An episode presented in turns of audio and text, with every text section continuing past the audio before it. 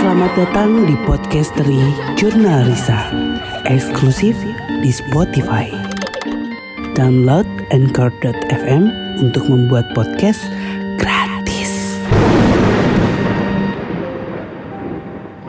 Halo, assalamualaikum warahmatullahi wabarakatuh. Eh, selamat datang di podcastery Jurnalisa. Kalau kemarin Fahrul eh, cerita kita pas lagi di Kapadokia, dia cerita tentang tempat kita nginep kayak gimana. Eh, aku nggak sempat dengar banyak sih, cuman kurang lebihnya apa yang diceritain Fahrul ya sama apa yang kita rasain juga. Tapi eh, di podcast kali ini aku juga nggak akan jauh-jauh dari apa yang Farul ceritain karena masih di sana juga kejadiannya masih di Kapadokia juga. Kalau ngomongin eh, liburannya sih sebenarnya senang-senang aja karena pertama ketika kita nyampe di Turki tuh terasa banget udaranya enak banget tempatnya pasti bagus banget. Nah tujuan kita kan tapi bukan liburan.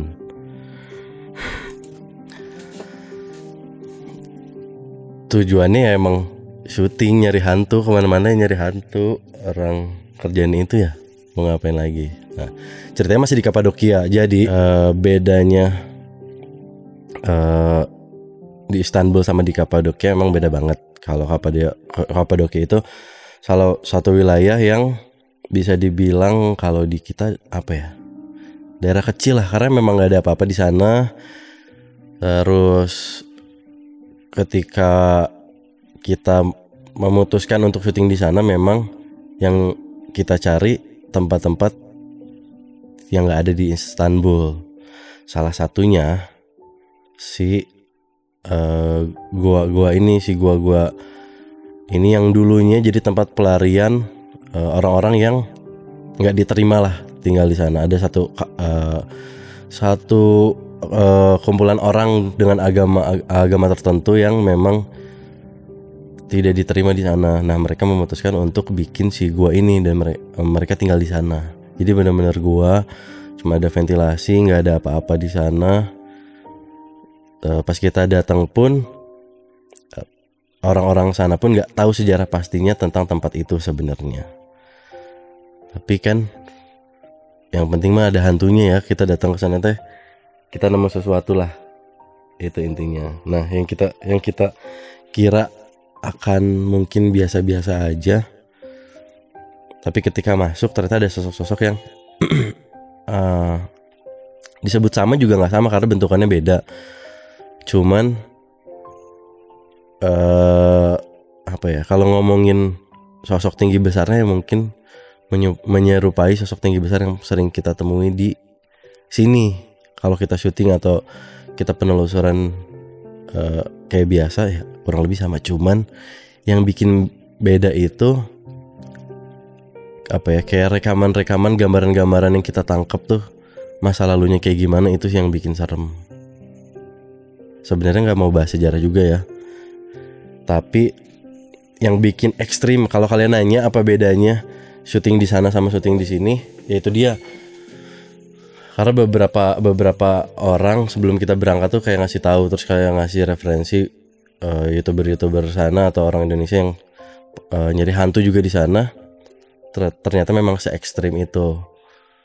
Dan yang kita alamin pun sama karena nggak banyak eh, cerita-cerita atau sejarah yang kita tahu dan kita dapat ketika datang ke sana mau nggak mau kita harus eh, lihat dan cari tahu sendiri sebenarnya ada apa di sana di awal masuk sebenarnya di di masa-masa yang mungkin belum secanggih sekarang tapi mereka tuh udah, udah banyak mikirin sistemnya kayak gimana ketika ada orang masuk tuh pengamanannya kayak gimana itu sih yang kita kagum sama tempat yang kita datengin ini. Di lorong pertama aja udah ngerasa beda banget karena mungkin lembab ya sugestinya gitu karena mungkin tempatnya lembab ada udara. Nah pengalamannya yang kita alamin jadi nggak cuma eh, tim inti aja atau yang in frame aja yang ngalamin sesuatu yang ngerasain sesuatu ternyata uh, tim scene juga anak-anak kayak Mas Beng, Redo dan lain-lain pun mereka ngerasain hal yang sama. Kenapa di awal tadi aku bilang se ekstrim itu? Nah, si sosok-sosok yang lewat, sosok-sosok yang apa ya nampakin tuh bener-bener kelihatan bayangan-bayangan tuh kelihatan padahal kita rame, syutingnya belum terlalu malam juga. Tapi itu bener-bener kelihatan sama semua orang yang ada di dalam situ. Oke, okay. lorong beberapa lorong kita masukin karena tapi ada satu sosok yang dominan sosok ini. Ya aku ceritain tadi sosok tinggi besar ini. Kalau di kita sebutnya apa ya? Kayak genderuwo lah ya. Cuman ya beda maksudnya nggak nggak plak plakannya genderuwo gitu loh. Beda susah jelasinnya tapi sosoknya tinggi besar juga. Uh, hitam juga. Sosok ini dari awal ngikutin kita tapi kita nggak tahu yang yang kita tangkap cuma kayak dia ngasih tahu uh, kalau kita harus cepat-cepat keluar dari sini gitu. Kita dari, uh, kayak didorong itu dari lorong ke lorong tuh diarahin ya ayo cepet keluar gitu. Itu yang kita dapat. Sampai anak-anak tuh si Peter CS ini aja takut tapi mereka selalu coba uh, interaksi sama kita ngasih tahu bahwa kita nggak boleh ada di dalam sini. Tapi gimana ya orang syutingnya belum beres kan harus tetap diberesin harus tetap di dijalanin terus sampai beres. Nah yang awalnya kita nggak tahu apa sih maksud dan tujuannya karena sosok ini eh, nggak uh, komunikasi banyak dan nggak uh, ngasih apa ya kayak kata-kata apa pun gitu. Misalnya dia nggak ngomong apa pun cuman kayak ngedorong terus kita tuh ya udah keluar ayo keluar keluar gitu. nah di lorong kedua kita masuk ke lorong yang katanya sih uh, bekas dapur. Di situ ada sumur juga. Nggak tahu gimana ceritanya nggak tahu gimana mereka bikinnya. Di situ ada sumur ada perapian dan ada alat-alat yang emang masih uh, tempatnya nggak rubah. Jadi kita tahu oh ini dulu bekas apa bekas apa bekas apa. Di tengah-tengah mediasi selalu ada sosok ini sosok tinggi besar ini yang ya terus nge ngeganggu sih. Karena kita nggak tahu maksud dan tujuannya apa tapi kayak ngeganggu. Selalu selalu ada masuk selalu berusaha masuk tapi nggak ngomong apa-apa gitu. Kayak cuma marah kayak tetap nyuruh kita keluar. Kita jalan lagi ke lorong demi lorong kita lewatin terus kita nemu satu ruangan yang kayak kamar gak kebayang sih kalau aku kalau aku tinggal di sana zaman dulu nggak ada cahaya sama sekali di Kapadokia itu udaranya bisa sampai minus 2 derajat. Kita di dalam gua tuh harusnya yang ventilasinya sedikit tuh harusnya hangat ya, tapi di sana dingin dan lembab sampai kerasa banget si anginnya tuh sampai kerasa padahal kita di dalam guanya. Nah, kita uh, mediasi sama satu sosok tua yang dia pun kayak nggak banyak ngejelasin apa apa kayak nutupin sesuatu gitu. Kayak kita nggak boleh tahu sejarah tempat itu tuh kayak gimana. Nah lagi dan lagi si sosok gede ini tuh coba masuk lagi yang masih kita nggak tahu juga tujuan dan maksudnya apa. Sampai akhirnya kita di lorong terakhir. Uh, kita gabung sama semua tim ternyata semua itu ngerasain dan ngalamin hal yang sama. Si sosok gede ini tuh yang dominan ini tuh kayak maksa kita buat keluar. Kita nggak tahu kayak gimana harus kayak gimana. Cuma akhirnya kita memutuskan untuk keluar. Kita syuting di luar aja deh. Itu kita tetap masih nyari kayak ini apa ya? Dulunya tuh kayak gimana ya? Kejadiannya kayak gimana? Gak gak gak ke bayang jelas nggak ada rekaman jelas juga apa yang kita tangkap apa yang kita rasain awalnya. Tapi setelah kita jalan lagi ke atas itu tuh jadi satu daerah itu tuh gua semua. Jadi di satu wilayah itu tuh memang ada beberapa gua yang uh, kalau dari gambarannya si guanya ini tuh jadi dia punya lorong punya lorong punya lubang-lubang rahasia lagi yang sampai dalamnya tuh bisa puluhan meter gitu. Karena ternyata banyak banget jadi kayak satu daerah itu mereka ngumpet aja di situ gitu. Nah yang menarik itu ketika kita jalan lagi ke atas terus kita nemuin satu gua yang kita lihat ada orang-orang yang mm, berusaha pengen keluar dari situ. Kayak mereka kayak ditahan di situ. Yang jelas kelihat dan kerasa itu kayak tangan-tangan mereka tuh kayak uh, apa ya kayak banyak tangan gitu keluar dari gua yang ditutup sama teralis besi gitu. Kayak penjara gak sih kebayangnya kayak gitu sih. Ini apa ya dulu? Uh, jadi pas di luar itu aku dibagi timnya sama Iko sama Angga. Kita pun masih nanya karena sejujurnya kita benar-benar hati-hati karena kita nggak mau ada kejadian apa-apa kita nggak mau ada yang ikut apalagi kayak gitu jangan sampai kita benar-benar yaudah kita cari yang aman-aman aja deh gitu. Kita kalau di kalau di luar baru kita berani ngajak anak-anak untuk interaksi. Karena kita juga pengen tahu sepengalihatannya mereka tuh kayak gimana sih apa sih. Akhirnya kita coba ngobrol sama anak-anak. Dan mereka bilang kita kayak nggak boleh tahu lebih dalam soal tempat ini katanya terus ada sosok yang ngeliatin kita terus soalnya dari tadi. Ketika anak-anak ngomong gitu kerasa banget ada suara-suara dari atas tempat itu. Suara berisik banget kayak uh, benda mukul-mukulin si tralis besi yang nutupin gua itu kayak ini udah mulai nggak bener nih. Kita juga masih bingung ini apa ya sebenarnya? Karena si sosok ini tuh kita ngerasa si sosok yang ngeliatin kita tuh kita ngerasa sosok ini ada. Cuman kayak nggak kelihatan dan nggak kebayang jelas gitu bentukannya kayak gimana awalnya. Angga tuh isengnya Angga. Udahlah kita ke atas aja. Siapa tahu kalau dari atas lebih kelihatan. Ya udahlah kita jalan. Akhirnya kita jalan lagi ke atas dan ternyata sosoknya kelihatan jelas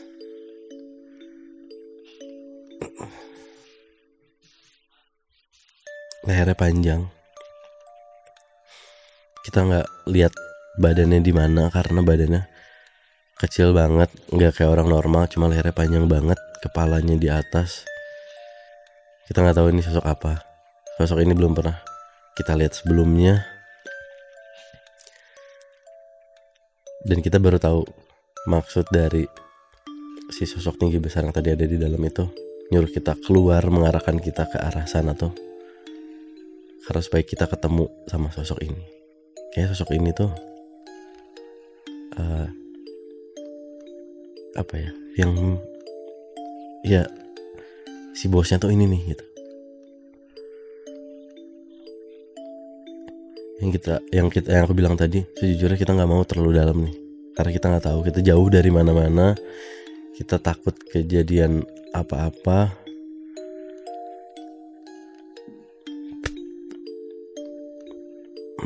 Nah mau nggak mau kan akhirnya kita juga harus komunikasi sama si sosok ini dengan keterbatasan bahasa, dengan keterba segala keterbatasan, kita coba cari tahu, kita coba nangkep apa sih ini tuh sebenarnya. Siapa sih sosok ini sebenarnya? Kok bentuknya kayak gini ya? Kita belum pernah, belum pernah sama sekali ngelihat yang kayak gini. Ini ini sosok baru yang kita lihat. Cuman um, makin lama kok makin dekat. Karena kita juga nggak antisipasi apa-apa. Karena kita nggak tahu nih ini ngapain nih mau ngapain dia. Di situ aku ceritain dikit ya. Di situ tiba-tiba tangan sama kaki aku tuh nggak bisa gerak. Terus aku jatuh yang lain juga nggak bisa apa-apa. Karena bingung uh, kenapa nih kata tiba-tiba kayak gini. Aku bilang ah kenapa ya ini kok kayak diikat gitu kaki sama uh, tangan aku?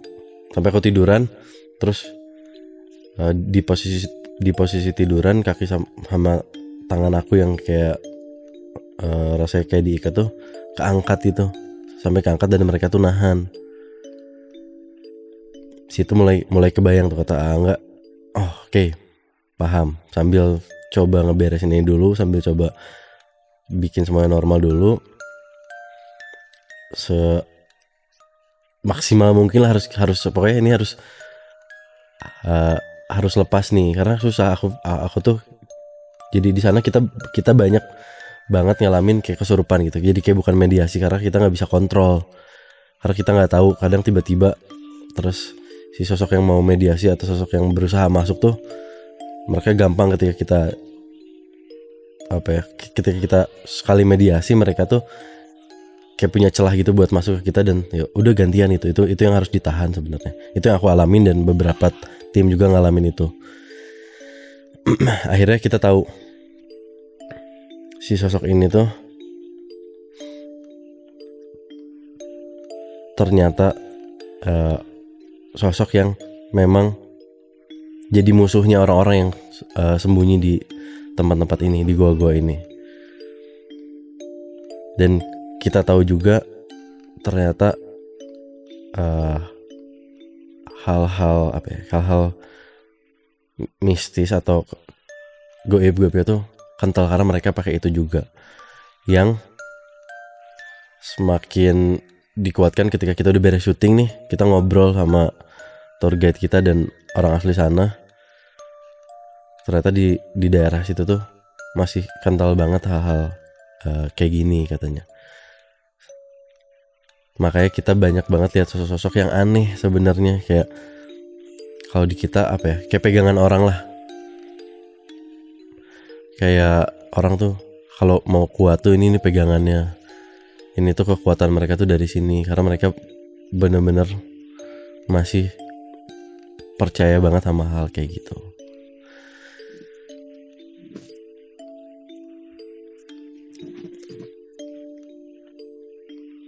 kurang lebih gitu sih. Yang kita alamin di sana sama eh di sini sama di Turki itu bedanya itu.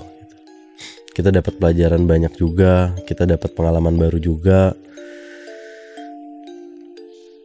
Kalau kalian mau tahu cerita lebih lengkapnya kejadian apa aja yang kita alamin apa aja yang kita hadapin di sana mendingan langsung beli tiketnya.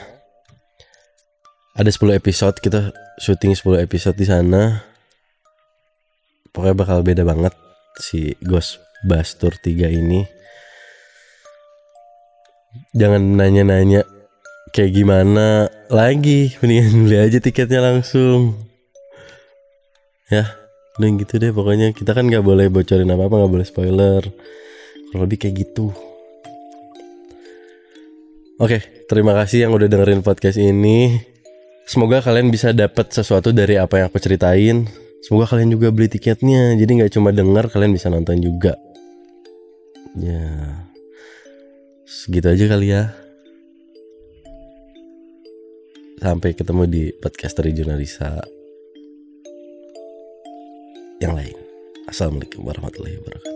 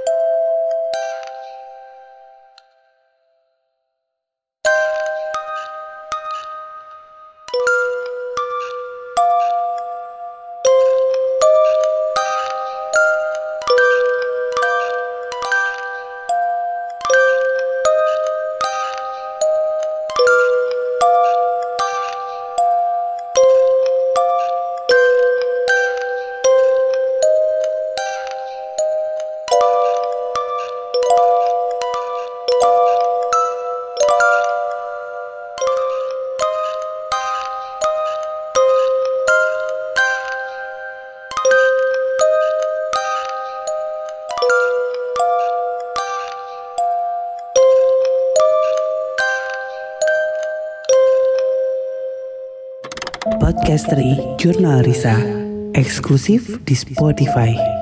Download Anchor.fm untuk membuat podcast gratis.